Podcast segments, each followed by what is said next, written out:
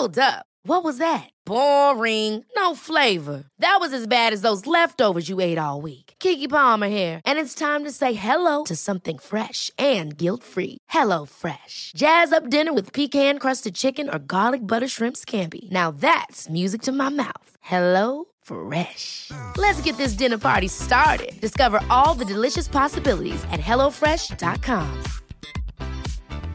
Quality sleep is essential. That's why the Sleep Number Smart Bed is designed for your ever evolving sleep needs. Need a bed that's firmer or softer on either side? Helps you sleep at a comfortable temperature? Sleep Number Smart Beds let you individualize your comfort so you sleep better together. JD Power ranks Sleep Number number 1 in customer satisfaction with mattresses purchased in-store. And now, save 50% on the Sleep Number limited edition Smart Bed for a limited time. For JD Power 2023 award information, visit jdpower.com/awards. Only at a Sleep Number store or sleepnumber.com.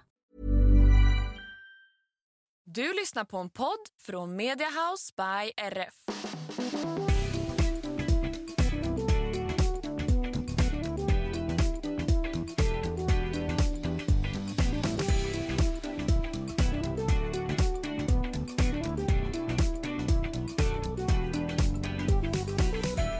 Hej allihopa och välkomna till systrarna Älvstrands hästpodd avsnitt 210. Välkomna, välkomna. Jag heter Anna. Och jag heter Emma och det här är podden om oss och våra fyra hästar och ridsporten i stort och smått. Och idag är det dags för frågepodd. Yes, var tionde avsnitt så kör vi ju Q&A här i podden.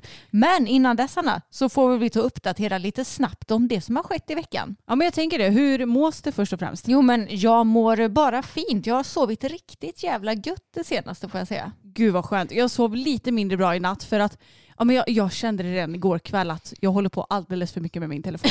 ja. Och det är ju så typiskt för jag vet ju vad jag behöver göra för att sova gott. Det är att inte hålla på och scrolla Instagram och ja, övriga webbsidor Mm.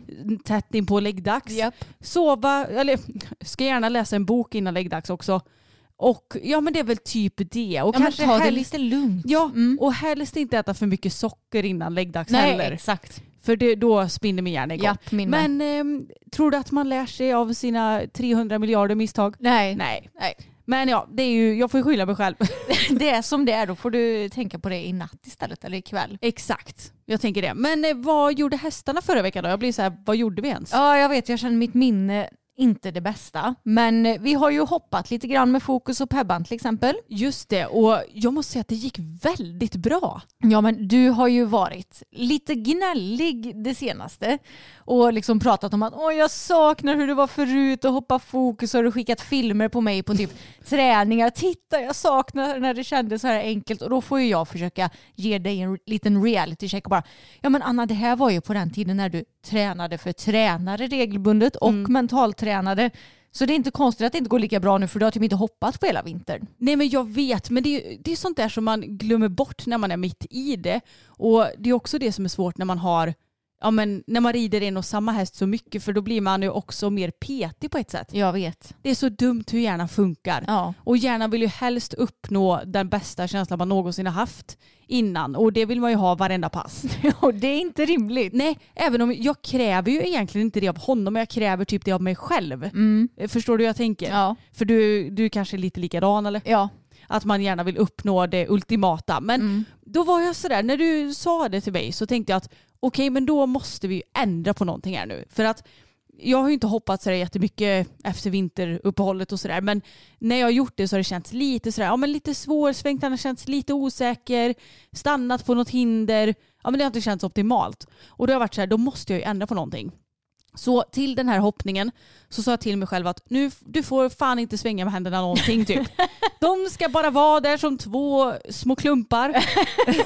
Sväng med benen och så såklart om det skulle behövas att man leder lite grann. Jo. Men annars så ska de vara stilla och gärna lite mjuka också att jag inte har så mycket kontakt till handen. Nej. För att då blir han också lite långsammare i galoppen. Jag ska skita fullkomligt i vad han har för galopp.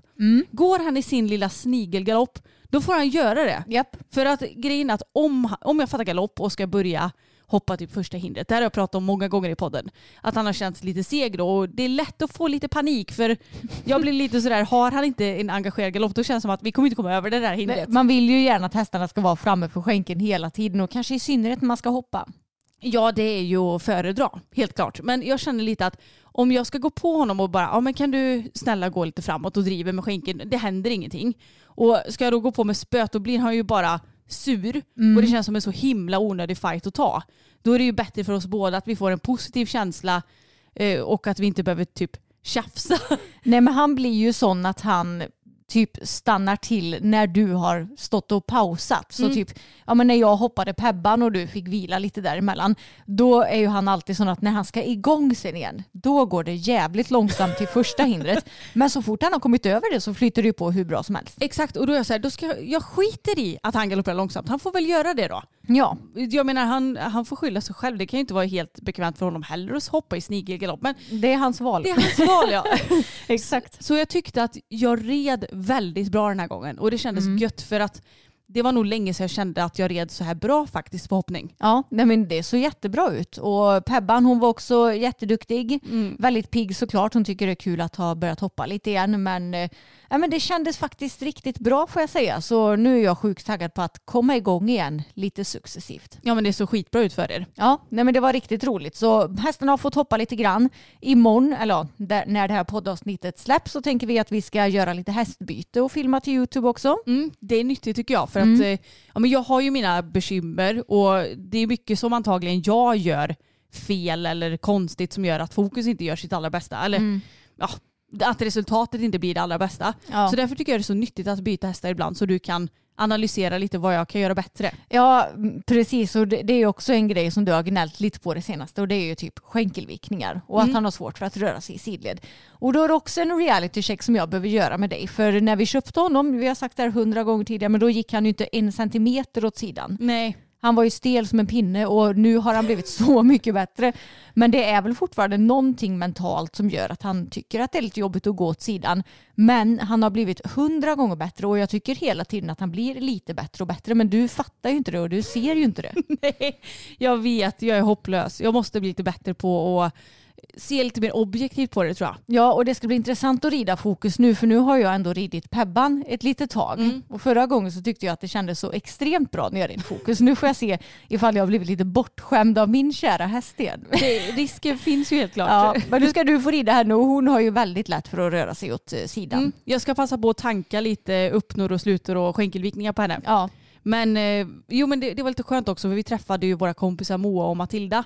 Eh, Moa är ju veterinär och ja, Matilda är en duktig hästtjej så, i fredags och det var så skönt för jag, jag sa det lite till dem. Jag bara "Ja, men alltså det känns som att det måste typ vara något fel på fokus för att han, han är inget bra på skänkelvikning och, och då sa vi det att fast Anna du har ju inte heller varit så bra på skänkelvikning om man tänker historiskt sett. nej. Och så sa Matilda det också att ja, men, min häst är inte heller jättebra på skänkelvikning. Det känns ibland lite stelt och det är inte helt hundra liksom. Och det känns ändå rätt så skönt att det är ju faktiskt inte bara fokus som har svårt för det. Nej. Det är ju många hästar som inte har det så lätt för det. Och jag sa det också att det är ju ingen naturlig rörelse för dem heller direkt. nej, det blir ju inte det. Ja, men det är inte så att de springer i hagen och bara nej nej nu ska vi gå lite skänkelvikning dit dit dit dit. Exakt, då är ju typ piruetter till exempel i så fall en mer naturlig rörelse för att Ja. om de ska vända lite snabbt. Men att springa i sidled, det har jag nog inte sett någon häst knappt göra i hagen någonsin. Nej, det är ju möjligtvis om, om någon kommer och säger ah, flytta på det och den går ett steg åt sidan typ. Ja, exakt. Men annars det är inte som att de gör en hel diagonal Nej. i skänkelvikning eller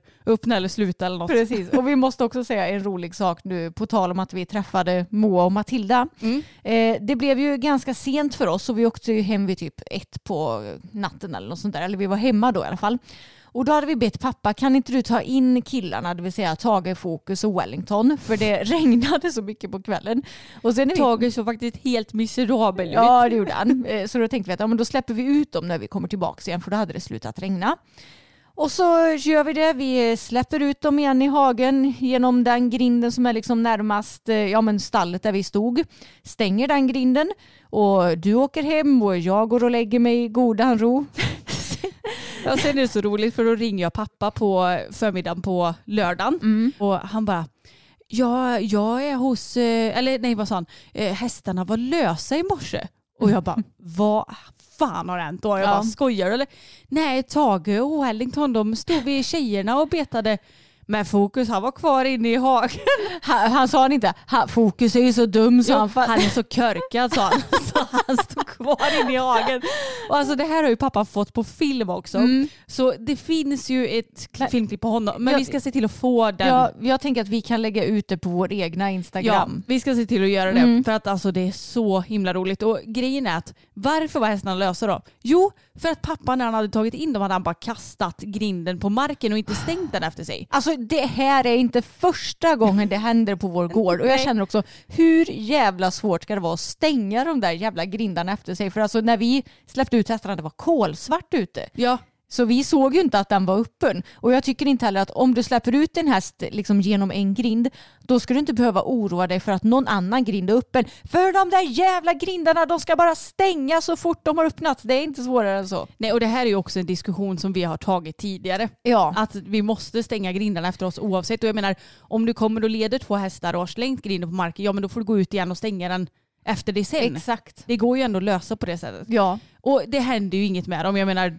inte en skråma på dem och de, de var så nöjda. Det, det finns ju inte direkt så mycket att rymma ifrån den här gården för allt de behöver finns ju.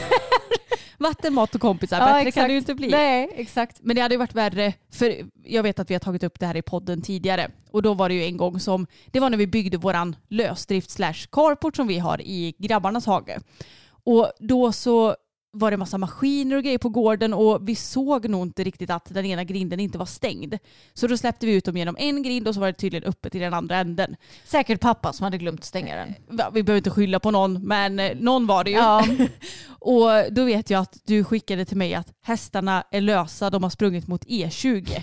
Och jag bara helvete, då jobbade jag ju på i Maso. Mm. Så jag bara sa till min chef, jag måste åka, jag, hör, eller jag kommer tillbaka. Eh, Sprang iväg, jag hann inte säga vad det var för fel typ. Och så Mm. sladdade jag iväg med bilen. Och tänkte bara när jag åkte på vägen att om jag ser en död häst nu då vet jag inte vad jag gör. Mm. Så jag satt där superstressad. Såg som tur var ingen varken död eller lös eller levande häst på Nej. vägen. Kommer ju till er, då har de ju sprungit i skogs. För då var ju Ja, ja. alla i samma hage och det är klart att Mm. är de en hel flock, ja men då är ju risken mycket större att de faktiskt sticker därifrån. Då sprang de iväg på äventyr. Då var de i skogen. Men det Och- var inte svårt att hitta dem. Nej, men det roligaste av allt var att vi hade ju precis köpt våran unghäst Abbe. Mm. Han hade varit på gården i typ en vecka eller Ja. något sånt där. Och han var hade jättedålig Ja. kondition också. ingen kondition alls och så var han väl fem år Ja, han, var, gammal. han, var fem, han var helt slut Ja. efteråt och så var det så här Boppen och Tage så här, i, eh, Atleter. Så här, atleterna i jättebra kondition. Det var liksom ingenting för dem och så stackars lilla Abbe som var helt slut. Han, han, Han låg och sov hur länge som helst efter det. Men det gick ju bra med dem också. Ja, det det. det var länge skråma på någon av dem Nej, heller. nej, det var inga konstigheter. Nej. Men eh, med det sagt, stäng alltid alla grindar oavsett om ni ja, inte tänker att det behövs. För eh, ja, det, det kan ju vara någon annan, som i vårt fall, att vi släpper ut hästarna i någon annan ingång till Ja men exempel. exakt, i Mm. synnerhet om man är flera personer. Jag menar en grej om du är helt själv i ditt stall, då får ja. du göra precis vad du vill. Men Mm. när man är flera personer, det, så, det kan bli så dumt bara. Japp. Men det, ja, det var ju himla underhållande film alltså. Det kommer komma ut på vår Instagram. Ja, det kommer det göra. Och om ni inte följer oss så kan man ändå söka på Instagram i webbläsaren. Eller om ni, Precis. inte, jag menar, om ni inte har Instagram. Mm, exakt. Och ska vi bara också dra en sista gång vilka tider man kan träffa oss på Göteborg Horse Show nu i helgen, Anna? Ja men det tycker jag. Mm, och det är ju på lördag klockan 13.00 i Josefins Sadlars monter och på söndag klockan 11.00 i T-Max monter. Jag är så taggad. Tänk att Göteborg Horse Show är här nu Emma. Ja, det ska bli jätteroligt. Helt sjukt. Mm. Och vi ska vara där och filma och ha det gött och hänga, titta på shower. Eh, vi sa dock det att det här är typ första året på evigt som vi har köpt biljetter till dressyrföreställning. Ja, Och så har det ju då släppt så här, vilka som ska rida. vilka som ska rida och då är det typ som att åka på en svensk nationell tävling där man inte behöver betala något inträde. Ja, alltså förlåt men det känns hur tråkigt som helst. Ja. Det är ett namn som är med i topp 10-rankingen. Mm. Och visst är det Nanna Merald? Ja. Ja. Annars så är det, ja det är klart det ska bli kul att se Karl Hedin till exempel. Mm. Det är typ Karl Hedin, Emma Jönsson, Men de, Mia kan, von Essen. de skulle vi lika gärna kunna se på vilken tävling som helst här omkring. Ja, verkligen så. Så Mm. det känns ju lite snopet får jag säga. För jag, jag sa ju det när vi skulle boka, jag bara, kan vi inte boka även eh, till dressyren? Och du bara, ja vi kanske ska göra det för Ja. en gångs skull. Jag, jag var lite skeptisk till det men jag bara tänkte att jag får göra Anna lite nöjd nu så hon får titta på lite dressyr. Ja men det är ju, jag tycker det är lite kul, speciellt att se ja, men någon klass här och där. Jag behöver inte Mm. se hur mycket som helst. Men ja, det var ju lite av en besvikelse när de släppte namnen, det får jag ju säga. Och det är nog många som har blivit besvikna på det. Ja, men jag, jag sa det till dig också, att egentligen är det lite konstigt för att man betalar ju en viss summa för att se det här. Mm. Och jag vet inte om de som rider får några pengar för att vara med. Antagligen inte. Mm. Men jag tänker att det borde ju också kosta mer för arrangemanget att ha större namn på plats. Ja, Eller tror du inte det spelar någon roll? Jag har ingen aning. Jag vet inte heller. Ja, hur som helst så jag blev lite besviken. Ja. ja, det känns ju dumt att man ska betala lika mycket för att typ titta på en nationell tävling som att titta på en världscupklass där man tänker att det ska vara de största internationella namnen med. Det är lite det jag menar. Mm. Att det borde ju inte kosta samma sak. Sen så kan ju, Mm. jag menar när Göteborg Horse Show släpper sina biljetter, de har ju ingen aning vilka som ska rida för Nej. det är väl inte klart då. Nej, det nej. släpps ju så tidigt. Så, Mm. Alltså I don't blame them heller. Mm. Jag, jag inget eh, mörker på Göteborg Horse Show. De Mm. gör ju såklart så gott de kan och försöker få dit roliga namn och allt Jo. sånt där. Men nej, det, det var bara lite tråkigt och jag undrar ju lite varför det inte är någon mer som är med Mm. och tävlar. Är alla klara redan för världscupfinalen så att de inte rider eller? Ja, jag vet inte. Nej. Det är tråkigt i alla fall. Ja det är det. Och eh, jag måste bara göra en liten uppdatering från förra veckan för att då skrattade vi ju halvt ihjäl oss åt den väldigt roliga översättningen på en dansk annons man. Mm. Och vi har fått en, eh, ett DM från Linnea som har skrivit Hej, tack för en bra podd. Jag tror att jag kan räkna ut vad som menas med nöthuvud i den väldigt roliga annons ni läste upp i podden om ni är nyfikna. I Danmark så använder man ordet nussehuvud om en häst eller ett djur älskar att mysa och till exempel bli kliad. Jaha. På tyska så betyder nuss nöt Mm. och hoved är huvud på danska. Så Google Translate har antagligen blandat ihop språken. ja, och så skriver Linnea också, hoppas att ni förstår mig. Jag är inte så bra på att skriva på svenska. Jo, för hon jag- är dansk, svensk om jag förstod det Ja, men rätt. jag fattar precis. Ja, väldigt eh, imponerad av att hon ens kan skriva på svenska. Jag kan inte skriva på danska, det kan jag ju säga. Nej, men now it makes eh, a bit more sense så att säga. Ja, men vi tackar ju ändå Google Translate för väldigt rolig annons. Ja, jag har inte skrattat så mycket på extremt länge. Nej, inte jag heller. Jag skrattar så tårarna rann kan jag säga.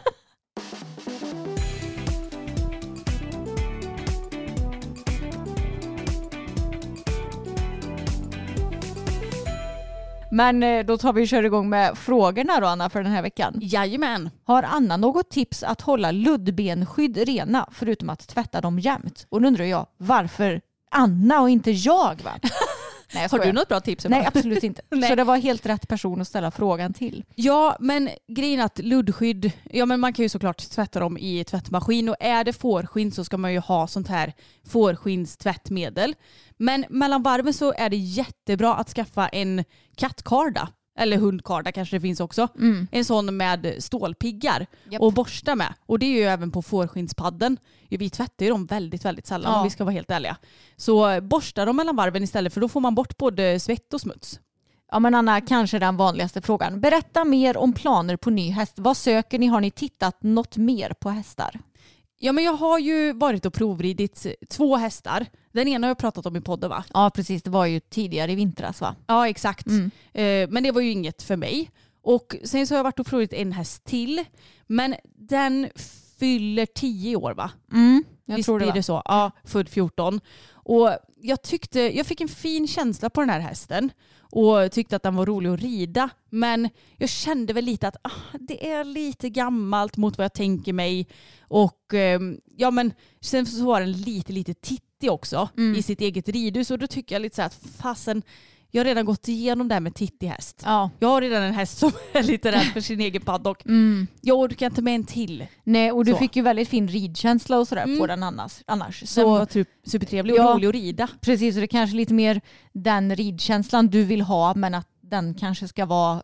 Lite mer cool. Ja, precis. Och lite yngre gärna. Ja, exakt. Men eh, det som jag söker är väl egentligen en häst från typ eh, helst inriden då, så minst tre år gammal. Mm. Upp till kanske sju som max ungefär. Och eh, jag har inte så mycket krav på hur mycket den ska vara utbildad eller tävla. Den ska hålla sig inom min budget. Mm. Gärna sto har jag insett Mm. att jag vill ha, men vallack går också bra. Ingen hingst. Nej. Eh, mellan 1,65-66 och uppåt. Mm. Inte för stor dock. Nej. För jag, jag älskar Boppen men han var one in a million. Ja men kanske max 1,75 eller? Ja, lite så. Och sen så vill jag ju helst ha en svensk född häst. Ja. Och anledningen till det är väl egentligen att ja, men, jag har ju en liten dröm om att rida kanske eh, breeders fast den här, det finns ju typ en medelsvår BM-cup. Mm, i precis. Breeders. I Flyinge va? Eller? Exakt. Mm. Och då måste den ju vara svensk. Heter det SVB Trophy någonting? eller? SVB Question Weeks va? ja. Det kanske är SVB Trophy. ja, jag vet inte men det, ja, det är en kupp i alla fall Ja. för svenskfödda hästar på medelsvår B-nivå. Jag har för mig det är det. Mm. Det är klart det kan ju komma ändras innan jag hinner ta mig dit. Men Jo. det hade varit lite kul. Sen finns ju också Falsterbo och även eh, Dressage Power har ju en medelsvår B-cup. Så det är Mm. klart att det är ju egentligen inget måste heller. Men det är kul att ha möjligheten. Mm. Och sen så tycker jag också att om man kan så ska man gynna den svenska aveln också. Mm. Men eh, som det ser ut just nu, ja, jag har väl sagt ungefär allt jag Ja, vill ha va? Det skulle jag nog säga. Ja, så jag, jag prioriterar liksom en, en cool häst framför att den är värsta utbildad och tävlar. Det, det är inte så himla viktigt för mig. Nej, och budget lite så här efter vad du får. Ja. Liksom inga orimliga priser. Nej men exakt och jag, jag vill inte lägga hur mycket pengar som helst på en häst heller. För Nej. att det är så mycket pengar att lägga ändå med allt som hör till. Och Ja. så. Men jag har ju eventuellt en häst på gång. Mm. Och det här är, jag kan ju avslöja lite om den, jag vill inte prata för mycket om den innan Nej. något är klart. Men, den ligger väl inte ute på annons eller något sånt där väl? Nej, men jag tänker att folk kanske kan veta. nej, nej så, sett, så är det väl svårt. Men det är en väldigt fint eh, stammat sto Mm. som är, fyller fem år i år, har haft ett föl Mm. eh, och ja, men i princip är inriden men inte så mycket utbildad eftersom att den har gått med föl. Mm. Och eh, ja, nu har inte jag träffat det här stot än, Mm. men ska enligt eh, ja, men säljaren vara hur fin som helst och väldigt god och trevlig och sådär. Och just nu så håller den på att ridas igång. Mm. Så planen är att jag ska provrida den här när det är redo för det. Mm, precis, och man kan ju säga att vi har ju vänner och bekanta inom sporten som har pratat väldigt gott om den här hästen också. Ja, Som har jobbat med den på olika vis. precis. Så jag, kan vi säga utan att avslöja för mycket. Så, Exakt. så det här är ju en häst som vi känner till genom kontakter Mm. och som vi har hört väldigt gott om då. Ja men precis, så att jag, jag är väldigt taggad även om jag inte ens har träffat den här tjejen än. Mm. Så äh, låter det på beskrivningen som att det är en väldigt trevlig häst och jag är supertaggad på att få träffa henne. Och ähm, ja men trevlig stam, gulligt namn Mm. har hon och ja, det, det känns som att eh, mycket har klaffat redan ens innan jag har träffat henne. Mm. Så eh, vi får se sen om vi klickar i ridningen eller Ja, hantering och så också. Exakt. Och eftersom det är ett femårigt sto som har fått föl så räknas hon ju som fyra i år också då. Precis. Så rent krasst så skulle du kunna rida typ fyraårschampionat och sådär. ja, henne. om jag nu skulle vilja det. ja, precis. Vet inte om jag vill det men Nej, men det är ju så man gör på femåriga fölston. Precis. Mm. Och det roliga är att jag har ju pratat lite om det här med fyraårsklasserna innan va? Mm. Jag tycker att det är väldigt trevliga klasser egentligen. Det är ju bra sätt att börja en tävlingskarriär på för att ja, men den har ändå en kompis med sig inne på banan Mm. och, och sådär. Det blir lite trygghet. Så vem vet, det kanske får bli något sånt. Ja, och jag menar det är ingenting som du måste satsa på till sommar. Det finns ju i Jönköping också till exempel till hösten. Precis. Då har man Ska lilla jag rida i Elmia? Nej det vet jag inte om jag vågar. Jag får nog slänga upp någon annan i så fall. Nej. Men eh, då vet ni, det kanske, alltså grejen är att jag- vill gärna ge den här hästen en chans först. Mm. Så om det nu, jag nu känner att nej men vi klickade inte tyvärr, Mm. då får jag gå vidare och kolla på annat. Ja, exakt. Så eh, vi får se lite, men eh, jag, jag är taggad i Ja. alla fall. Även om det är klart att det har varit ganska skönt att inte ha hunnit hitta någon häst Mm. än, för vintern är ju jobbig. Ja, Det vet ni ju redan att ja, vi tycker. Exakt, så det har varit rätt så lagom med ja, men max en häst var att rida nu. Verkligen. Vilken kändis har varit er crush när ni var tonåringar? det här tycker jag är jättekul. Det är lite annorlunda mot nu. Men eh, ja men mm, okej, allra först, alltså när jag var liksom typ barn, så vill jag minnas att min första crush var typ Heath Ledger. Ja just det, ja, du älskar en riddares historia också. Exakt, och han var ju så jävla liksom söt och charmig och, eh, och sådär. Sen gick ju han bort väldigt tragiskt 2007 tror jag det var. Ja. Eh, så det var min allra första crush. Och sen Det när har vi, varit många genom åren dock. Ja. sen när vi blev emosarna, Ja. då var det ju Bill Kaulitz. Bill Kaulitz, eh, vår gemensamma där, och även Gerard Way från My Chemical Romance. Mm. Eh, så man kan säga att eh, sminkade kill, svartklädda killar med antingen svart eller knallblont hår. Ja och helst långt hår också. Helst långt hår det också. hade ju tyvärr inte Gerard Way då. Nej, men, men som Bill Kaulitz hade. Ja. Det var ju verkligen our cup of tea så att säga. ja, men strax därpå så blev det också Jared Leto. Ja, Och han är ju Fort- faktiskt snygg. Ja. fortfarande, även om det var mer för typ så här tio Ja. år sedan. Eh, inte riktigt lika mycket längre, men även Jared Leto. ja, och jag skulle ju säga att idag så undrar jag lite hur jag kunde tycka att Bill Kaulitz och Gerard Way var de snyggaste som fanns. Men Ja. det var ju så det var. Ja men Bill Kaulitz ser ju bättre ut idag mot vad han gjorde back Ja. in the days. Eller hur? Och också en svensk crush vi hade Emma. Det var ju Ola Svensson från Idol som var med 2005 va? Ja exakt. Ja, det var ju gulligt ändå. Ja, väldigt gulligt. Så det har varit några stycken. Mm, Eh, helt klart. Har något annorlunda killsmak idag skulle jag ju helt klart säga. Ja, jag är ju lite besviken på att Samuel inte är svartsminkad och med hår som står så fem kilometer från huvudet som Bill hade. Ja men det var ju sådana, eller det var ju de killarna som många hade crusher på back in the days. Gud ja. Mm. Det var antingen Bill eller Tom Kaulitz men Ja. Tom hade ju dreads och Bill hade, Stort rävfluff. ja exakt och det var det som vi drogs till. Ja, det, det var så det var. Ja. Vad har ni för åsikter om att spänna in hästar vid longering? Ehm, ja men det är ju ingenting som vi brukar göra. Nej. Och eh, ja, men när vi longerar hästar, oftast så tumlongerar väl vi om vi gör någonting. Men överlag, eh, ja, men longering, jag tycker liksom inte att det är en träningsform som du kanske bör göra speciellt mycket utan det, det är väl mer någonting som du gör att säg att eh, du inte har hunnit rida din häst på ett tag och behöver longera bort lite energi. Då kan jag ändå förstå grejer men annars så tycker jag att longering det är mer kanske i, jag vet inte, rehabsyfte. Ja, eller det kan väl vara bra ibland att hästen får gå utan ryttare. Jo, Men jag är inte heller så mycket för att longera. Det är mer, ja men typ som nu på vinterhalvåret. Och jag Mm. känner bara, jag orkar inte rida Nej, idag. Det, det är för kallt. Ja, Så bara för att den ska få röra lite på sig. precis. Ja men som sagt då tumlongerar jag ju hellre för, hellre för då blir det ju lite mer likt ridning och att den då har som ett par långa tyglar. Ja, exakt. Eh, Men jag spänner ju aldrig in hästen med någon sorts hjälptygel utan jag brukar ju, eller vi brukar ju ha ekiband. Mm. Så hästen kommer upp och jobbar ordentligt med kåren och får höjt ryggen. Eh, Det är ju bra för hästen men aldrig någon inspänning och eh, nej men jag förstår inte grejen med inspänning överhuvudtaget. Att liksom tvinga huvudet på en viss position. Nej, inte jag heller. Och jag har sett många trevliga videor där människor inte har sin häst inspänd vid longering och verkligen får hitta sin egen balans, Mm. hitta den egna formen, kan kunna slappna av ordentligt. Och det som jag tycker är kanske värst med inspänningar också det är att ofta så sätter de i jorden som du har på longerjorden Mm. och sen så sitter den direkt i bettet. Mm. Och då blir det att ja, men varje travsteg så blir det liksom en liten press i Ja. bettet varenda gång. Och ja, men jag vet inte det.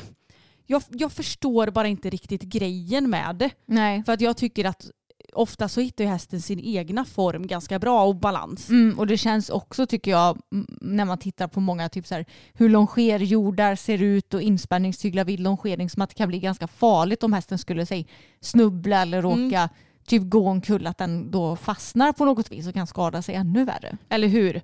Och sen så finns det väl ändå typ lite bättre och lite sämre inspänningar. Mm. Det finns ju de här stumma repen som du bara lägger över hästens rygg och sen fäster i bettringarna. Ja exakt. De tycker jag är helt Vedervärdiga. makalösa. Mm. Ja, vad är helskotta liksom. Mm.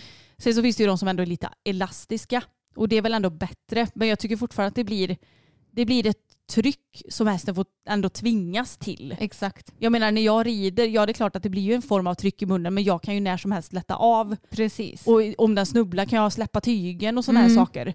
Så ja, jag är inte big fan av det här med inspänningar överlag. Nej. Saknar ni att rida Tage? Ja men det är väl klart att vi gör på ett sätt. Jag menar han är världens mysigaste och härligaste.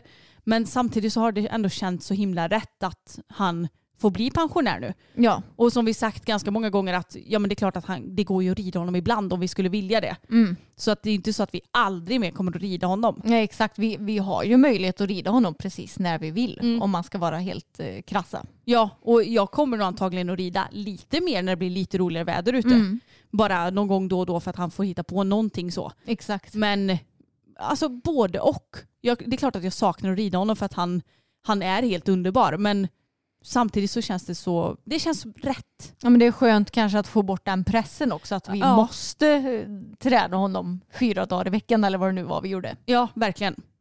Kommer ni att ha öppen bana hos er under våren eller sommaren? Ja men det kommer vi säkert att ha. Ja, du och jag har ju diskuterat lite om det här Emma. Mm. För att vi har ju haft pay and jumps och så på gården Mm. i många år tidigare. Förra året hade vi det inte, Nej. men annars har vi alltid haft det.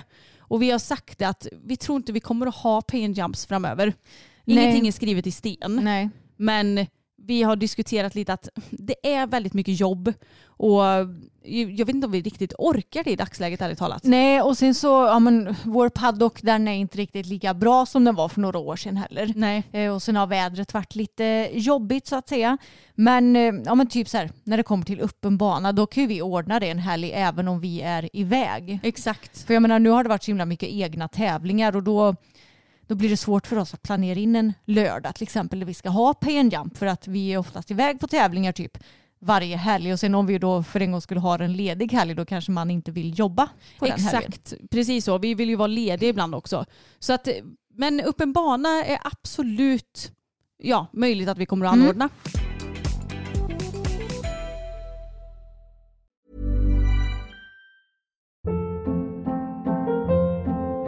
Hold up. What was that? Boring. No flavor. That was as bad as those leftovers you ate all week. Kiki Palmer here, and it's time to say hello to something fresh and guilt-free. Hello Fresh. Jazz up dinner with pecan-crusted chicken or garlic butter shrimp scampi. Now that's music to my mouth. Hello Fresh. Let's get this dinner party started. Discover all the delicious possibilities at hellofresh.com.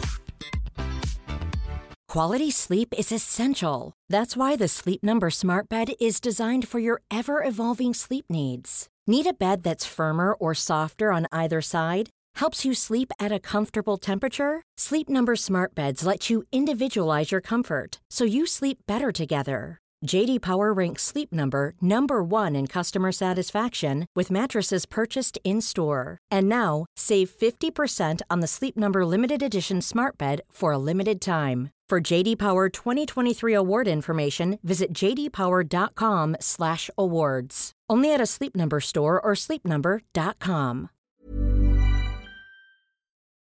Kommer Anna satsa mer på dressyren nu i vår eller mer hoppning? Det är faktiskt ganska oklart. Eh, jag blir så här med fokus, vi får se lite vart det bär hän. Mm. Lite. Jag har anmält mig till en lätt A i mars så den kommer vi att rida. Om inget händer givetvis. Men sen så är jag ju lite sugen på att kanske lägga lite mer krut på hoppningen. Jag vet inte, jag har inte bestämt mig riktigt. Jo men det tycker jag. Ja, men jag, Mm. jag får se lite. Jag tar det som det kommer lite. Ja. För jag känner lite att vi har ju verkligen gjort vårt i lätt B förra året. Det, det kändes ju himla bra. Vi har fått massa placeringar och sådär. Mm. Så det känns som att den klassen är vi klara med.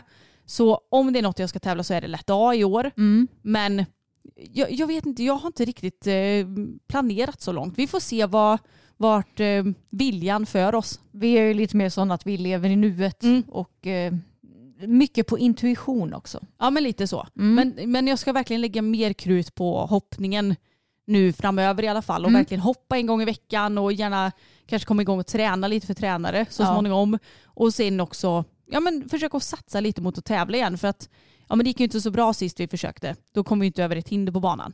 Nej. Så eh, det vore ju kul om vi kom lite i rutin med det hela för då tror jag att det kommer lossna lite mer för oss båda. Det tror jag med. För referens till andra kurviga ryttare, vilka storlekar har ni i ridbyxor av olika märken? Ja nu har ju vi, vi har Alequi, vi har Success. Alltså, det är väl typ de vi har. Det, just nu så är det ju bara de märkena vi använder på ridbyxor. Ja, Och i dem så har vi ju L ja precis. i, i princip alla modeller. Ja det är ju något enstaka undantag. Bombay från Success har vi M i, Ja. men de är ganska stora i storleken. Men vår generella storlek på alla kläder är ju L. Mm. Eh, och, men för, förut så red ju vi i Horse ridbyxor till exempel. Mm. De hade vi 42 i, vilket också är vår normala storlek. Ja precis. Eh, så mm, ja, det, det är svårt att säga för det är ju som sagt Success och Aleco som vi rider i just nu. Ja så det är svårt att säga vad vi skulle haft om vi hade på oss ett par västrum.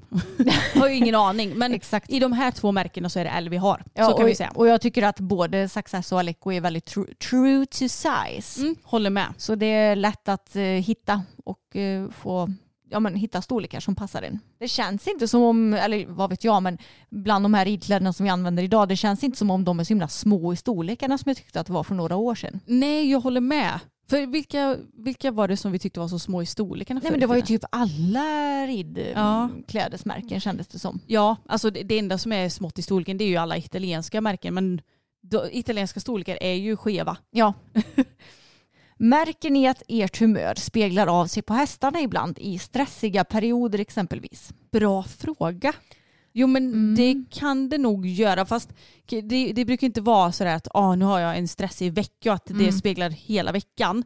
Men det är klart att om vi, vi har lite bråttom någon gång så kan man ändå märka att hästarna bara vad är det med er? Mm. Det är lite stissigare så. Precis, men jag skulle ändå säga att vi är ganska bra på att inte låta vårt humör påverka hästarna. Mm, verkligen. Eh, utan att, ja men typ när vi rider till exempel, att då är vi verkligen här i nuet och vi tänker inte på något annat. Utan eh, jag, jag kan faktiskt inte säga att jag tycker att det brukar spela av sig. Nej, det är någon enstaka gång kanske. Om vi bara, åh vi måste åka om fem minuter och att man börjar bli lite sådär, nu måste vi skynda oss lite, då kan man ändå märka att hästarna är lite såhär, vad är det med er? Mm, exakt. Men våra hästar är också ganska lugna av sig. Ja, Den som är minst lugn av sig är ju Pebban, men hon är ju mest bara otålig. Det är inte så Exakt. att hon är stressad på annat sätt. Så. nej. Första tävlingen för året, vilken har du planerad Anna?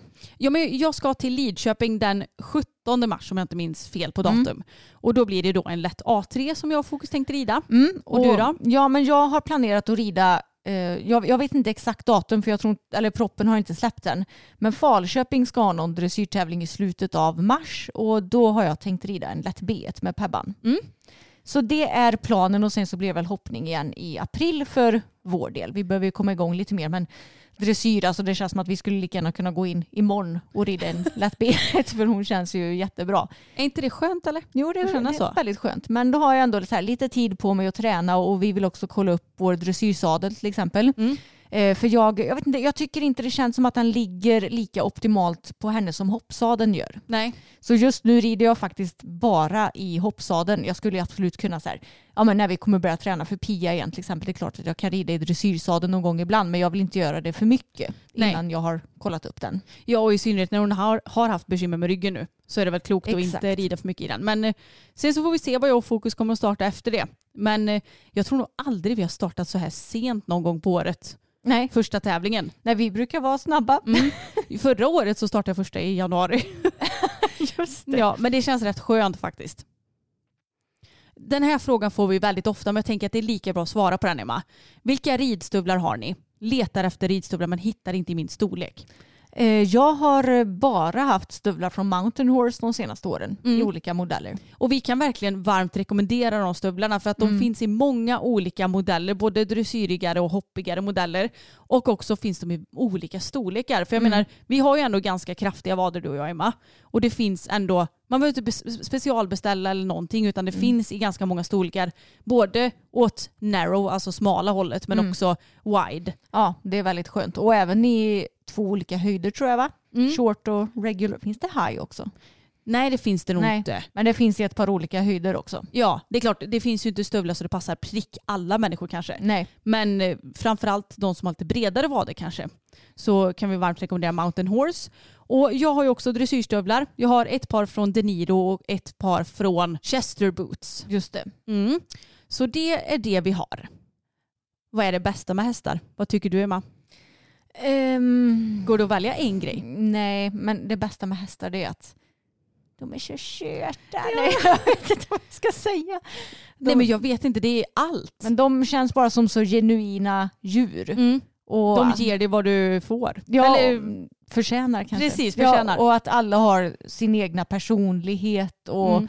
ehm, ja, men att du kan komma nära dem på liksom så vis. Mm. Jag, jag vet inte riktigt vad jag ska säga men det är ju Ja, de, de är väldigt speciella djur Mm. bara. Håller med. Och det som jag tycker är så speciellt med ridning det är att det är så brutalt svårt. Vilket också är charmen i det hela. För att när du väl sätter någonting då känns det som att då har du förtjänat det också på Ja, ett ja, sätt. exakt. Det är inte bara att göra på ett visst sätt utan ja, man behöver verkligen träna för att bli bra på det. exakt. Och man är aldrig fullärd. Nej. Vilket ju är jättefrustrerande att man inte bara kan bli jättebra på någonting så. Mm. Har vi några planer i vår eller sommar som vi ser extra mycket fram emot? Ja men dels så ska ju en nära vän till oss gifta, gifta sig. Mm. Det ska bli jätte, jättekul. Ja. Sen så ska vi på konsert. Mm. Benjamin Ingrosso, det kanske Mm. inte du ser lika mycket fram emot som jag. Men, Nej men jag tycker han är bra men Ja. eh, jag lyssnar inte på honom lika mycket som du och Samuel gör till Nej, exempel. så det ser jag mycket fram emot. Är det något Falsterbo, mer? Ja, precis. Såklart. Ehm, annars så, nej men det jag ser fram emot i vår och sommar det är att komma igång igen och träna och tävla. Jag Ordentligt. också. Och bara det här att vi går mot ljusare tider. Ja. Det kommer bli varmare. Mm. Man kommer kunna sola och bada. Ja. Alltså, åh, jag blir pirrig bara Ja, jag tänker på det. Det finns mycket att se fram emot. Men Ja. vi, vi har inte planerat sådär jättemycket i sommar än utan det kommer väl lite senare. Eh, just det, det var, vi fick en fråga också om vi har något meeting inplanerat i vår eller sommar. Äh, Inte inte än. än. nej. Men det vore ju kul. Mm, det hade varit jätteroligt. Jag skulle vilja åka på hoppmeeting med Pebban också. Ja, det måste vi göra. Mm. Det får vi se till att fixa. Ska vi ta med fokus då också? Det kanske får bli bara Pebban. då. Ja, det kanske är lugnast så får hon hitta lite nya kompisar på Ja. det där meetinget. Hon blir kompis med alla så det kommer inte vara några problem. hon är så söt. Hur hittar man motivation när hästarna är långtidsskadade och alla dagar ser tråkiga ut? Mm. Ja det här är ju väldigt svårt faktiskt. Alltså jag, rent krasst, jag är ju inte motiverad Nej. i de perioderna utan jag mår ju skit. Mm. jag vet inte riktigt. Ja men du blir ju verkligen deprimerad Ja, när ja. du, eller när hästarna är skadade. Ja, ja, december, det var riktig jävla pina. Det enda som gjorde att jag stod ute var att jag visste att vi skulle till Thailand i Mm. januari. Ja men ärligt talat, hur gör man då? Ja men säg att du bara hade haft Bella nu Emma. Du Mm. har ingen annan häst i stallet. Du Nej. har bara Bella, hon står med senskada. Mm. Hur gör man för att hålla motivationen uppe? Nej men det enda som får motivera det är att hästen ska bli frisk en dag. Mm. Så det som du eh, ska göra som matte för att ta hand om din häst på bästa sätt. Nu för vår del så är det ju gärna använda Equilite. eh, Gå ut och promenera så Mm. mycket vi kan. Nu är det ju lite svårt när det blir isigt och så Jo. i perioder. Men det är ju det vi kan göra. Ja, och kanske att man istället då får fokusera på sitt privatliv. Mm. Kan, du kanske kan spara pengar om du inte tränar och tävlar så kan du åka iväg på någon resa istället till Mm. exempel. Eh, passa på att umgås lite mer med kompisar som du kanske inte hinner göra annars. Mm. Du får försöka hitta lite mer glädje i ditt icke hästiga liv helt enkelt. Precis, och något som man också skulle kunna göra är ju att lägga upp en plan för veckan vad du kan hitta på med din häst Mm. som inte behöver innebära någon form av träning. Jag menar du skulle kunna lära hästen att pussas. Det kan ju du göra på tisdagen då. Mm. Sen så ska ni ha lite massagestund på torsdagen. Och sen så har ni en eh, extra lång ryckdag på lördagen. Alltså, Mm.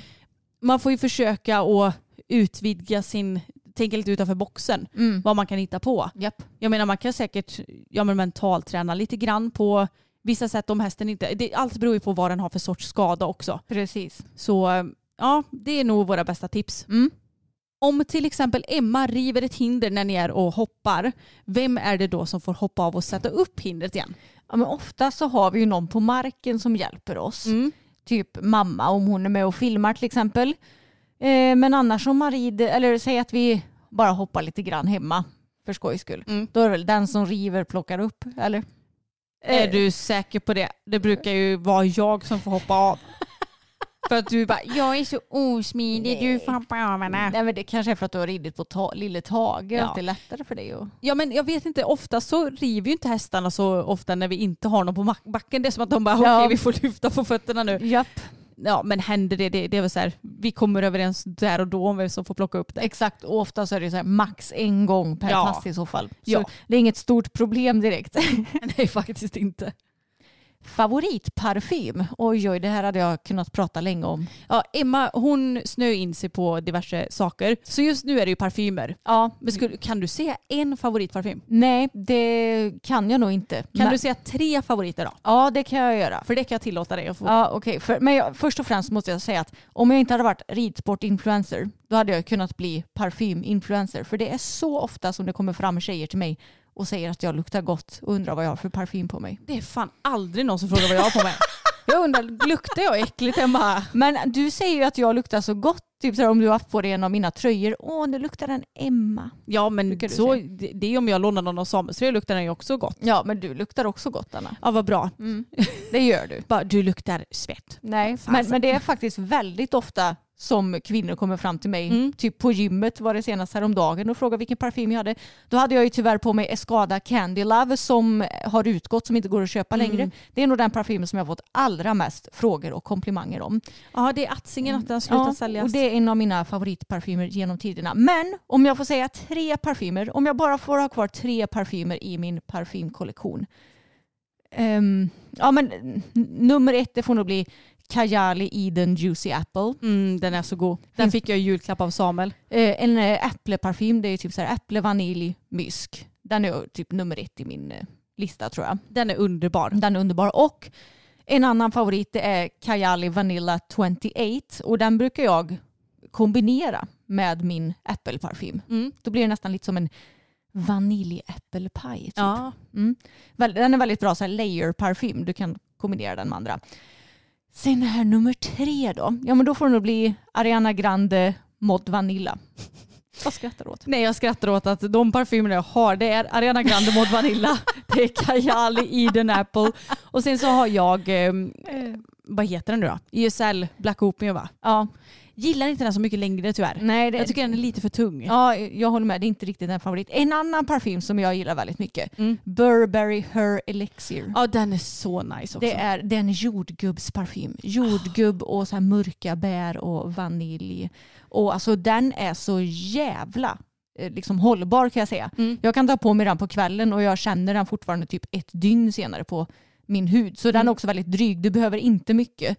Och den luktar väldigt så här gott. Den brukar jag också få mycket komplimanger för. Mm. Ja och en favorit som jag haft genom tiderna det är Skada Tash Sunset. Oh, Den är så nice. Nu har, vi, nu har ju vi en som vi köpt på Ullared som är väldigt lik den. Mm. Paradi- Tropico. mm, Paradiso. Så heter den ja.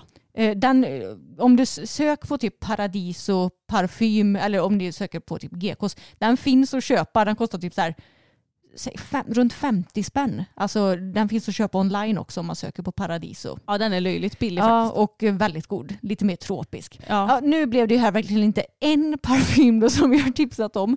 Men man kan ju säga att både du och jag gillar ju fruktiga och söta dofter. ja, inte så mycket blommigt och tungt. Nej usch, det, uh, det mår jag riktigt eh, eh, dåligt av. Ja, samma här. Typ Lancome La Vie Est Belle, den är ju jättepopulär. Ja.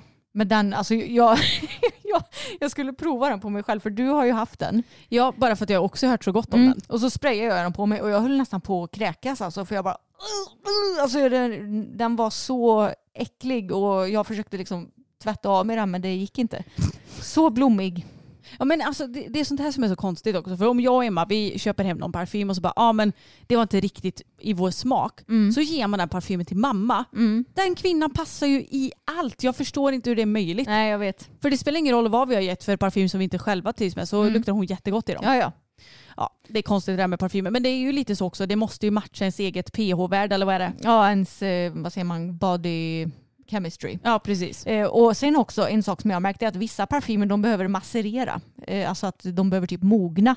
Eh, för jag kan tycka att vissa... Vad innebär det då? Att du öppnar flaskan, Ja, tar men- några spray och så att den får vara? eller jag, ska förklara nu. Ja. För vissa parfymer som jag har köpt som jag har så här luktat på första gången och bara nej men det var ingen höjdare. Och sen så det man ska göra då det är att man, ja, man tar upp den och sprayar typ 10-20 sprut och sen bara man låter den vara. Och sen så ett par månader senare så luktar den helt annorlunda. Det är lite som att lufta en flaska vin då. typ. Så det kan vara ett tips om man har en parfym som man känner nej, kanske inte riktigt något för mig. Ge den lite tid. Ja, Ja, ni hör ju, jag är så nördig på Ja. det här med parfymer så det är löjligt. men det gör inget. Nej. Alla har vi olika intressen. Hur ser ni på sportkörning med hästar och hade ni velat prova det? Ja, hur ser vi på det? Jag har typ aldrig någonsin tittat på sportkörning tror jag. Nej, för jag blir så här, vad är det ens? Det, det enda jag får upp i mitt huvud när jag tänker körning och tävling det är ju fyrspann typ. Typ precision ja. Eller, ja. exakt. Exakt. Eh, Alltså, ja, det hade kanske varit kul att testa. Men inget som jag känner något så här supersug efter att göra. Utan det hade kanske mer varit att vi testat det till YouTube i så fall. Ja, precis. Körning överlag tycker jag är väldigt eh, häftigt och jag tycker det är roligt. Och, ja, men jag tänker att hästarna tycker det är kul. Men jag själv är inte lockad över att köra häst för jag, jag tycker det är så läskigt. Ja men vi trivs ju bäst på hästryggen. Ja, exakt. Bakom känns lite läskigt. Ja, jag tycker det. Jag skulle vilja testa på livet som youtuber. Har ni några tips på att bli bekväm framför kameran och runt andra? Hmm, Ja men det är ju en träningssak. det är det. Du kommer inte vara bekväm i början, det var inte vi heller. Nej. Och sen så tycker jag också, man får lite försöka skita i ifall det är andra runt omkring. Det är klart att man får ju respektera folk, men man måste ju också våga hålla upp kameran under Mm. tiden som man går någonstans där det kanske är lite folk runt omkring. För att Precis. det är ändå någonting som du vill göra. Precis så att du tänker att du går lite in i din egna bubbla kanske. Mm, exakt. Eh, och så här, titta in i kameran. Ehm, ja men så här, du, du får väl fejka lite självförtroende i början tänker jag. Ja men precis. Sträck på dig, titta in i kameran. Ehm, Planera lite Mm. vad du ska säga och göra. Det Mm. behöver inte vara ett manus. Men så att du inte står där och bara hmm, vad ska jag säga nu eller vad ska jag göra? Utan mm, jag tror att man får lite, i bör- det var ju lite som med den här podden. Mm. I början planerade vi mycket mer vad vi skulle säga. ja, Även om vi hade inget manus men vi hade ändå gjort en liten planering. ja, exakt. Att man kan göra lite så när man Mm. ska filma så att, så att du har koll på vad du ska göra och det är ändå bekvämare för då har du kanske gjort upp en liten tanke i huvudet om vad du ska producera för video. Mm, ja men bra tips. Och sen så är det ju bara en träningssak. Och jag menar, du skulle kunna klippa ihop fem stycken videos som du inte ens publicerar från början. Mm. Bara träna på att filma, att klippa ihop och sen när du känner att Nej, men det här kan nog ändå bjussa på, då kan du börja ladda Mm. upp på din YouTube-kanal. Väldigt sant. Har ni några deal breakers när det kommer till att köpa häst? Alltså vad får er genast att backa? Ja men det är väl kanske främst om hästen är väldigt nervig och spänd. Ja. Och det är väl för att, ja men speciellt du, du har ju redan gått igenom det. Ja men precis och det är klart att det är lite som jag tänkt på också nu framöver att köper jag en yngre häst som kanske inte har gjort så jättemycket då är det klart att det är inte så lätt att veta om den är nervig eller inte. Nej. För att det kanske alla hästar är mer eller mindre i början de inte Mm. har sett, de, de är inte så världsvana. Exakt. Men det är helt klart en dealbreaker. Men sen också så skulle jag ju säga om jag får en ridkänsla som säger att nej men det är nog något som är lite knas med den här. Mm, som man misstänker har typ förändringar i nacken. Ja, I exakt. halskotpelaren och sådär. precis. Eh, för ehm, ja, vi har ju haft en häst som hade det så vi vet ju lite vilken känsla vi ska leta efter där. Ja, Sen är det inte alla hästar som är röntgade i just ja, men, rygg och hals. Rygg är jag inte så himla brydd om för ehm, ja, men, vi- vi har ju ändå erfarenhet av hästar som har kissing spine så ofta så är inte det några problem. Men just nack och halshästar det känns som att det kan bli desto mer problem där. eller hur? Eh, så där hade jag passat mig också. Mm, samma här. Men annars, någon dealbreaker. Nej men alltså om jag, om jag tänker på mig själv att jag ska köpa en hopphäst då hade jag ju inte köpt den här som jag vet har stannat mycket och sådär tidigare heller. Nej. För jag tycker inte att jag är tillräckligt, vad ska man säga, modig för att ta mig han- an någon sån häst utan jag vill ändå ha en säker och trygg häst. Mm. Men annars, eh, nej, inte en för liten häst heller då såklart. Nej, men då hade vi kanske inte ens åkt och kollat på den. Nej, precis. Nej vad gulligt det är som har skrivit kan man klona Tage? Jag vill ha en i så fall. Alltså, jag orkar inte vara gulligt. Jag undrar vad Tage hade tänkt, eller vad Tage hade sagt om han hade vetat om hur många som älskar honom. Ja, Som inte ens känner honom egentligen. han är en riktig favorit. Ja, och jag förstår varför. Ja. Hur gör ni när ni får prestationsångest? Tips. Ja, men jag, jag vet att vi har tagit upp det här lite förut, men jag brukar ju typ tänka så här, jag är inte Henrik von Eckermann. Mm. Så det som jag presterar på tävling till exempel, alltså det, det spelar inte eh, någon roll överhuvudtaget egentligen. Du har ingen världsetteplats att hålla Nej. kvar i. Exakt. Man får liksom se sig själv som ja, det, det här är också kanske kan låta lite dumt, men man får se sig själv som liksom väldigt liten och att liksom, det, det spelar ingen roll vad jag gör om du fattar vad jag menar. Det låter ju lite fel men Mm. du är ju ganska obetydelsefull. Ja, alltså exakt. lite så. Exakt att jag ser mig själv som en väldigt obetydelsefull person Mm. och att det jag gör det påverkar inte världen på något vis. Och det påverkar ju heller inte vem du är. Nej. Jag menar skulle du ramla av innan första hindret på en hopptävling Mm. Så är det inte så att bara ah, där är ju hon som alltid ramlar av. Mm.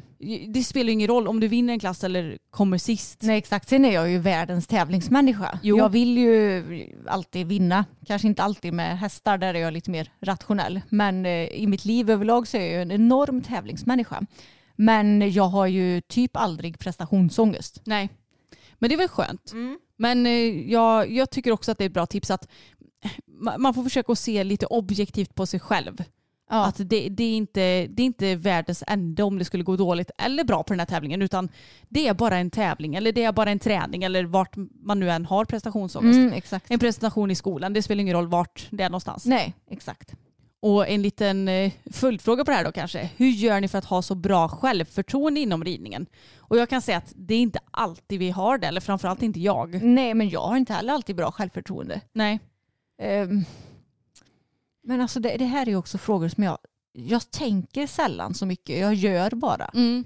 Alltså det jag försöker tänka på det är att mm, det kommer alltid finnas någon som har bättre förutsättningar än mig. Det kommer alltid finnas någon som är mer talangfull än mig. Det jag kan göra det är ju att göra mitt bästa med de förutsättningarna jag har. Mm. Och har du det tänket så känns det som att ja, men självförtroendet det kommer lite av sig själv. Ja, men lite så. Och om jag någon gång får dåligt självförtroende, det kan ju, ibland kan det ju bara vara så här, någon enstaka eh, något enstaka ridpass att jag bara åh nej men det känns inte bra. Ibland så är det mer en längre period, Mm. typ som med hoppningen. Men då brukar jag lite gå till botten vad det är som, som grämer mig också. Mm. Som nu har det varit lite dåligt självförtroende med skänkelvikningar. Mm. Ja, och då får man ju gå lite till botten med varför det är så och försöka komma ur det och diskutera ju mycket med dig om hur jag ska göra och sådana där saker. Mm. Så jag tror bara man är, ja men både lite som du att man bara, man kör bara på. Men också att man kanske är lite analyserande i det hela. Mm. För då kan man också komma vidare med problemet. Ja. Och det är också, det är okej att ha lite dåligt självförtroende ibland. Livet är ju inte svart eller vitt. Det är ju inte så att bara, ja du tycker på en knapp så, har du bra självförtroende. Mm. Utan det svajar ju lite. Exakt. Och det är okej att känna att det inte alltid är på topp. Nu när Anna letar ny häst, är det någon färg som fångar dig mest medvetet eller omedvetet?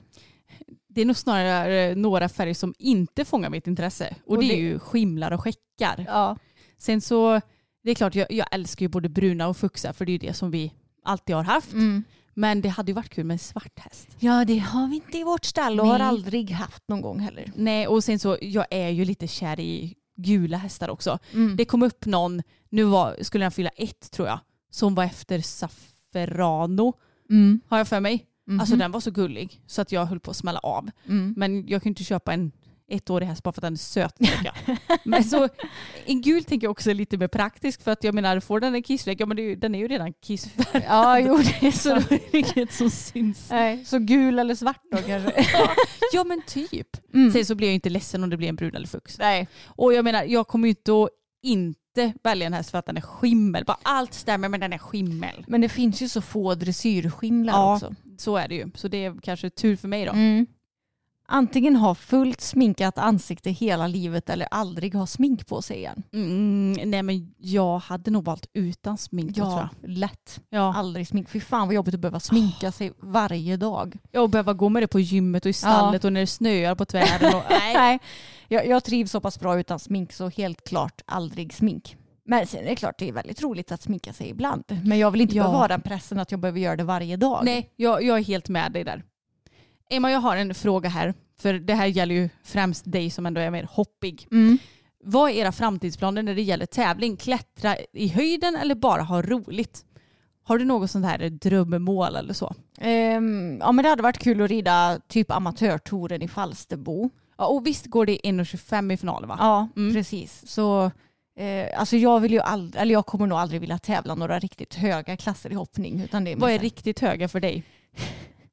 Det Det kan ju vara olika menar Ja jag. okej, ja men typ 1,40 då, det börjar Ja. ju bli riktigt högt. Mm. 1,30 är väl ändå någon klass som ändå relativt många kan rida. Mm. Eh, sen säger jag inte att jag kan rida det för det, men eh, Men det är ju Ja, inte omöjligt heller. nej men 1,20 känns som en lite mer rimlig nivå för en lite halvrädd hobbyryttare som mig. ja, Som ändå vill tävla en del dressyr också. precis. Jag vill hinna med båda de- Ja, delar. men jag vill gärna komma upp lite på kanske medelsvår B-nivå i dressyr igen Mm. också så småningom. Eh, Pebban får bara bli bättre på galoppombyten då kan jag säga. För det är hon fan inte. Hon, hon har en jävla speciell teknik när hon byter galopp. Ja. Hon tar ett hopp typ in i den nya galoppen. Ja och det roliga är att eh, förra ägaren bara, ja men jag har gjort eh, seriebyten på henne så att jag, jag tror att hon kan nog men vi behöver lite finslipa vår kommunikation. Ja men hon är ju väldigt stabil och fin annars. Men Ja. ja, ja, jag, jag vill ju göra lite både och. Ja, och då- är det ju inte optimalt att bara, ja men jag vill rida inom 45 framöver. Nej Om man vill hinna med lite allt möjligt. precis. Och kanske lite fälttävlan också. Just det ja. Mm. Mm, det, är ju... Det är mycket nu. Ja. Och jag har ju Precis. absolut inga höjdmål. Men det är klart att det hade ju på något vis varit kul att överbevisa sig själv och våga tävla någon 1,10 någon gång i livet igen. Nu säger jag inte att det kommer ske i år, kanske inte ens nästa år heller, men någon gång kanske. Du är fortfarande ung som ryttare. Jag är ju det. Jag menar jag kanske startar i 60 när jag är 50. Ja, vem vet? Ja, högst troligt. Mm. Det här är en intressant fråga tycker jag. Vid övergångar neråt i tempo använder ni mest hand eller säte? Om säte, på vilket sätt? Jag tycker det är så himla svårt med sådana här ridtekniska frågor för så mycket i min ridning det sker liksom automatiskt. Ja, och jag tycker också det är lite olika beroende på vilken häst man sitter på. Mm. Jag menar boppen, det räckte att du tänkte trav så bara okej. Ja, Eh, Han var ju, det var ju inte säte eller han, det var ju hjärna man red med honom. Nej, och Bella hon är ju också superkänslig så med henne så känns det som att jag typ aldrig använder handen för att bromsa eller få ner Nej. henne i någon annan gångart. Nej, och fokus skulle jag säga, han är lättare att gå från galopp till trav eller skritt Mm. än trav till skritt eller halt typ. Ja, Eh, Så i galoppen så behöver jag bara klämma till lite med sätet och då räcker det att jag klämmer åt med mina ljumskar lite i sadeln. du trycker dem mot Ja, sadeln då? typ. exakt. Mm. Och bara räta lite extra på mig, spänner magen lite så Mm. går han ner i, i trav. Och ska jag ner till skritt så kanske jag behöver lite hand också för att verkligen få det här lilla extra. Mm. Men ska jag gå från trav till skritt då måste jag använda hand för annars så börjar han bara att eh, Typ takta. nej, eller trava i så här extremt långsam trav. Ja. Så då behöver jag verkligen samla upp traven lite med sätet och för att sen bara mm, komma ihop lite Mm. med hjälp av handen lite grann. Ja. Så det är lite olika. Jag tänker att det måste vara olika vad hästarna föredrar också. ja, ja, det tror jag. Pebban kanske jag får använda lite mer hand än vad jag hade önskat i dagsläget. Hon är ändå lite hetare och starkare häst. Mm. Men eh, målet är ju att den ska minskas också. Mm. Men jag använder ju mycket säte på henne med. Gud nu, ja men som sagt det är svårt att eh, veta exakt hur man svarar på de här frågorna. Men jag tyckte ändå att du har beskrivit det bra hur du gör med fokus och sådär. Behöver en uppdatering Anna. Har du hittat ett nytt dressyrtjänst i fokus? Och jajamensan det har jag. Mm. Jag har köpt ett eh, av eh, min kompis Moa som eh, hon hade ett dressyrtjänst hängandes. Och hon sa du får gärna köpa detta och det är ett SD Design. Nu kommer jag inte ihåg exakt vad modellen heter. Men jag har lämnat in det hos min andra kompis Gabriella för att hon ska eh, ta bort snokremsfästet och även göra om så att det inte är pullback-knäppning på det. Mm. För jag föredrar ju när det bara är simpelt. Ja. Så jag kommer visa upp det på YouTube när Gabriella är färdig med tränset. ja, och vi har ju lämnat in Pebbans hoppträns till Gabriella också äntligen så att hon ska ta bort den snokremsfästet också. Yes. Så kommer det bli lika fint som Bellas hoppträns. Ja, det är ju så fint. Hur gör ni för att våga debutera ny klass? Jag vill, men jag får en massa hjärnspöken. Bra fråga. Alltså jag tycker också att det är lite skillnad på hoppning och dressyr när det kommer till det här. Helt klart. För så här, i dressyr, ja men som vi har sagt tidigare, det kan ju inte hända så mycket mer Nej. än att du får kanske lite sämre resultat än vad du hoppat på. Mm. Så, Men vissa tycker också att det är jobbigt att få dåliga resultat. Så det kan ju absolut vara något att prata om ändå. mm, Och jag brukar tänka så här, om man får hjärnspöken för någonting, då är det någonting man tycker är jobbigt och då får du gå till botten med vad det är du tycker är jobbigt. Ja men som i dressyren då, tycker du det är jobbigt att få ett dåligt resultat? I så fall varför? För jag menar, jag har nog aldrig varit rädd för ett dåligt resultat. För att jag känner lite att mitt resultat jag kommer rida för idag, det spelar ingen roll för att jag vill bli bättre på sikt med min häst. Och om man tänker så, då tycker jag att det mildrar lite vilket resultat man vill ha. Men sen så gäller det, för min del har det gällt att inte fastna i det tänket. För att då kommer jag ju alltid på något sätt att skydda mig från dåliga resultat om du förstår vad jag menar. Mm. Så någonstans måste man ju också komma vidare lite i det tänket. Ja. Men ärligt talat, vad, vad spelar en dålig procent för roll? Nej, ingen alls. Nej. Och jag menar, jag tycker inte det spelar någon roll om du ska sälja hästen så småningom heller. Nej. För jag menar, allt kan hända på tävling. Mm. Så i dressyren tycker jag bara att det är, ja men när, när du känner att, ja men som, om du känner att du är redo för medelsvår B, du har satt dina byten på träning, ja men ut och testa dina vingar. Någon gång måste vara den första. Mm. Och du kan inte räkna med att eh, vinna din debut. Nej. Gör du det så är det bara en stor bonus ju. Mm, exakt. Och när det kommer till hoppning, ja men då är det ju, tycker jag, viktigt eh, att man känner sig bekväm med den höjden man ska hoppa på tävling också. Mm. Så säg att du har eh, tävlat 90 centimeter och det känns bra och du vill gå över till en meter. Då tycker jag ändå att du ska vara bekväm med att hoppa banor på en meter på träning. Och något som jag brukar tycka också är att en meter på tävling känns lägre än en meter på träning. Håller så, med. Så det är ju ändå en vad säger man, trygghet som jag kan ha. Ofta så gör du kanske lite svårare grejer på träning än vad du gör på tävling till exempel. Ehm, och på tävling tycker jag ofta att du får ett bättre flyt också. Mm. Ehm, men så helt klart, känn dig bekväm på träning med den höjden du ska hoppa. Då är det ju alltså, inga konstigheter att starta en ny klass. Nej. Och jag menar, skulle det vara så att du går in och mm, hoppar, säg en meter då för första gången och det, det känns inte bra, men då är det ju faktiskt bara att utgå. Exakt. Det, det behöver inte vara värre än så. Så får du åka hem och träna lite mer igen och komma tillbaks igen när du känner dig bättre. Ja, och jag menar man behöver inte gå ut första gången i en ny klass och bara nu ska vi satsa järnet i omhoppningen och sådana saker. Utan Nej, ja, men ta det lugnt och bara se till att komma runt klassen är väl jättebra start. precis. Och fokusera på att inte rida annorlunda bara för att hindren är 10 cm högre. Mm. Utan rid på samma sätt i en meter som du gjorde i 90 cm så kommer det antagligen gå jättebra. Och det är ju så kul också för jag menar 10 centimeter det är ju inte mycket egentligen. Det är ju inte det. Men det är ju ofta så att det sätter sig i huvudet att åh nu är det en högre klass och det kanske är lite svårare för jag menar ja men som i en meter kommer det en kombination och Mm. sådana saker. Så jag, jag tycker att man ska såklart känna sig redo men jag tycker ju sällan att jag någonsin känner mig 100% redo för att gå in i någon klass. Nej. Så det är ju också viktigt att tänka på att ja, ska du känna dig 100% redo får man ju träna hur länge som helst. Exakt. Och ja, men när det kommer till hoppning också, att du kanske har tränat på träning på det som kan komma på tävling. Mm. För som sagt, ja, men när det blir en meter då kan kombination komma.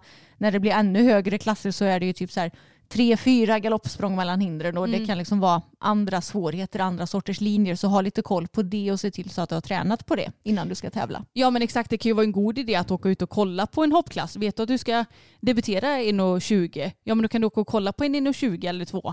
Och, För att se hur de är uppbyggda. ja, och nu kommer jag på ett tips också. Mm. Åk till en tävlingsplats där du känner dig bekväm om du ska Ja. debutera en ny höjd. Helt klart, om du vet om att du har åkt till en tävlingsplats och bara här har det alltid känts bra. Eller ja, det behöver inte kännas bra rent resultatmässigt men Mm. Framridningen funkar alltid bra, det känns lugnt på framhoppningen och att du känner dig trygg. Mm. Då är det ju det stället du ska åka och debutera på. Exakt. Och inte det stället där du känner att eh, man hade ingen plats att rida fram på och det var jobbigt att tävla där. Hindren alltid maxade. Ja exakt.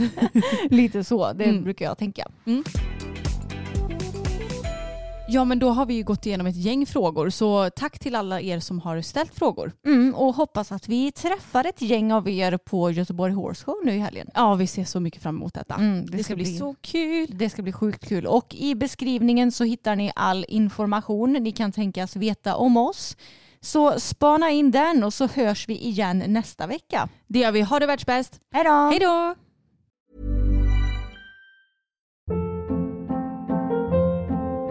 Hold up. What was that? Boring. No flavor. That was as bad as those leftovers you ate all week. Kiki Palmer here, and it's time to say hello to something fresh and guilt-free. Hello Fresh. Jazz up dinner with pecan-crusted chicken or garlic butter shrimp scampi. Now that's music to my mouth. Hello Fresh. Let's get this dinner party started. Discover all the delicious possibilities at hellofresh.com.